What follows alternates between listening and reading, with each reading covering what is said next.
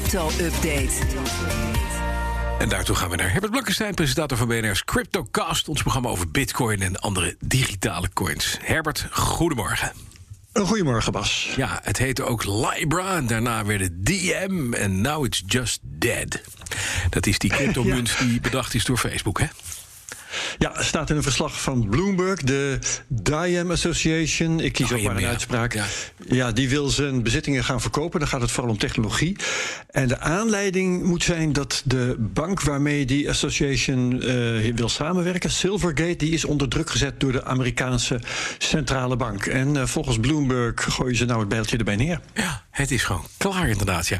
Eh, Een ingewikkeld verhaal, want inderdaad, ik zei al, de namen veranderden de hele tijd. Eh, het was destijds Libra van Facebook, nu was het Diem of DM van, eh, van Meta. Ja. Maar het blijft allemaal hetzelfde. en, en Ja. nu? Nee, precies.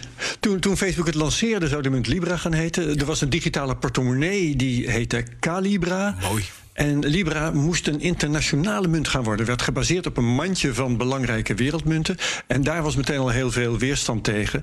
Eh, je kunt je voorstellen, mensen in landen met zwakke munten zouden dan in zo'n Libra kunnen gaan vluchten. En dat zou die zwakke munten dan ondermijnen. Dus het was een serieus risico met zo'n wereldwijd bedrijf als Facebook. Eh, dus toen werd Libra Diem of Diem een soort digitale dollar. Alleen voor gebruik in de VS. Dus dan valt er niks te vluchten. En de wallet veranderde van Calibra in Novi. En ja, Facebook werd Meta. Maar dat is eh, toevallig weer een onderdeel van een ander verhaal.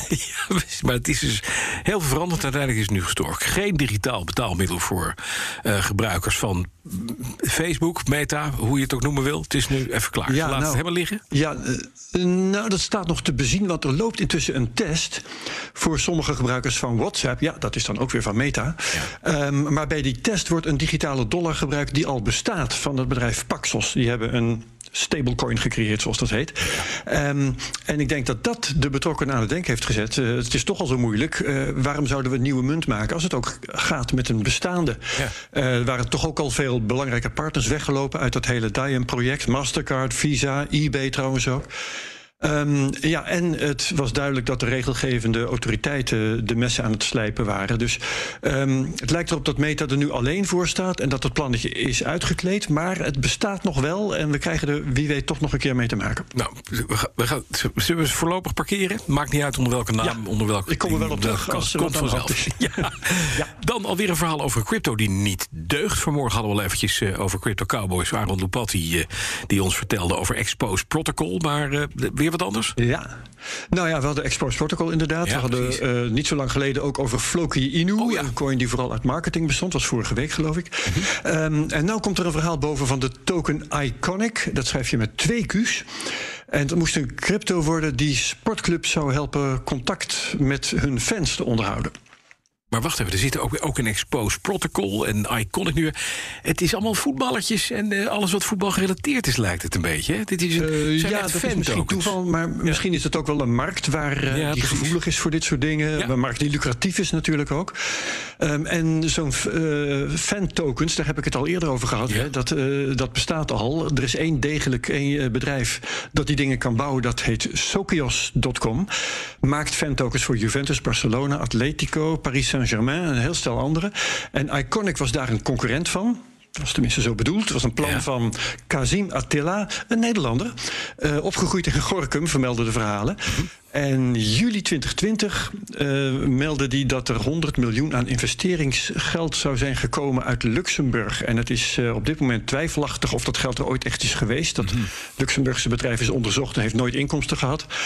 Ehm, maar dat nieuws hielp wel om sponsordeals te sluiten. Want sindsdien kwamen binnen Zenit, Crystal Palace, Valencia, Real Sociedad. Maar ook bijvoorbeeld de Europese Handbalfederatie. Het Formule 1-team van McLaren. En ga zo maar door. FC Groningen zelfs. Dus ja, die uh, Gorkummer eh, is een hele handige jongen. Die heeft overal sponsordeals vandaan gehaald op basis van niks. Ja, dat is mooi. Dat is een scam dus.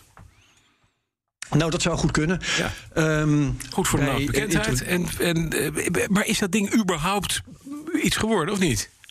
Nou, die coin is er wel gekomen, ja. Die Ja. is half april 2021, dus een klein jaar geleden, is hij geïntroduceerd op ehm, eh, exchanges. De prijs was bijna 23 cent.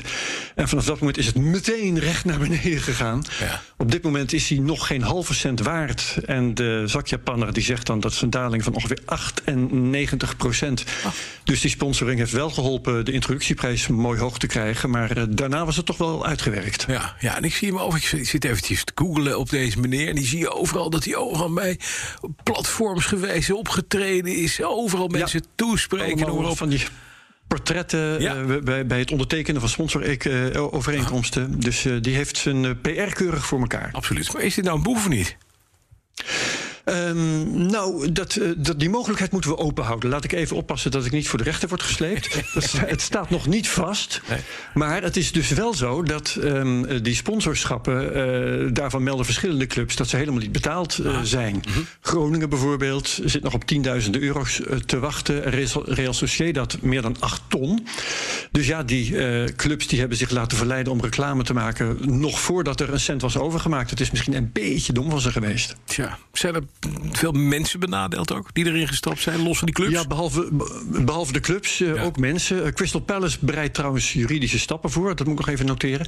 Ehm The Times heeft hier onderzoek naar gedaan. En die meneer Attila die, eh, heeft tegen de Times toegegeven... dat er miljoenen coins zijn gekocht door duizenden fans. Die zijn hun geld dus gewoon grotendeels kwijt.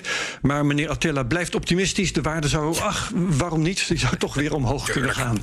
Hoop We kunnen altijd hoop blijven koesteren. Dat is waar, ja. Dat kost niks, hè, hoop. Wat heb je in de CryptoCast deze week, Herbert? Nou, wij gaan kijken naar de vooruitzichten voor Bitcoin voor de lange termijn. Dat is namelijk leuker op dit moment dan de korte termijn. Ehm, of die vierjarige cyclus waar we tot nu toe steeds van uitgingen eigenlijk nog wel bestaat. Of Bitcoin in prijs zal blijven toenemen en waar het plafond dan zal liggen. Met Bert Slachter, je weet wel, van Bitcoin Alpha. En als co-host hebben we Robert Reiner Nederhoed van Bit My Money. En hij is al helemaal klaar, dus je kunt nu gaan luisteren. Dankjewel, Herbert Blankenstein. Alle afleveringen kun je beluisteren via de BNR-app, bnr.nl of je favoriete podcast-app. Herbert Blankenstein is. Crypto-update wordt mede mogelijk gemaakt door Amdax. Alleen voor de serieuze cryptobelegger.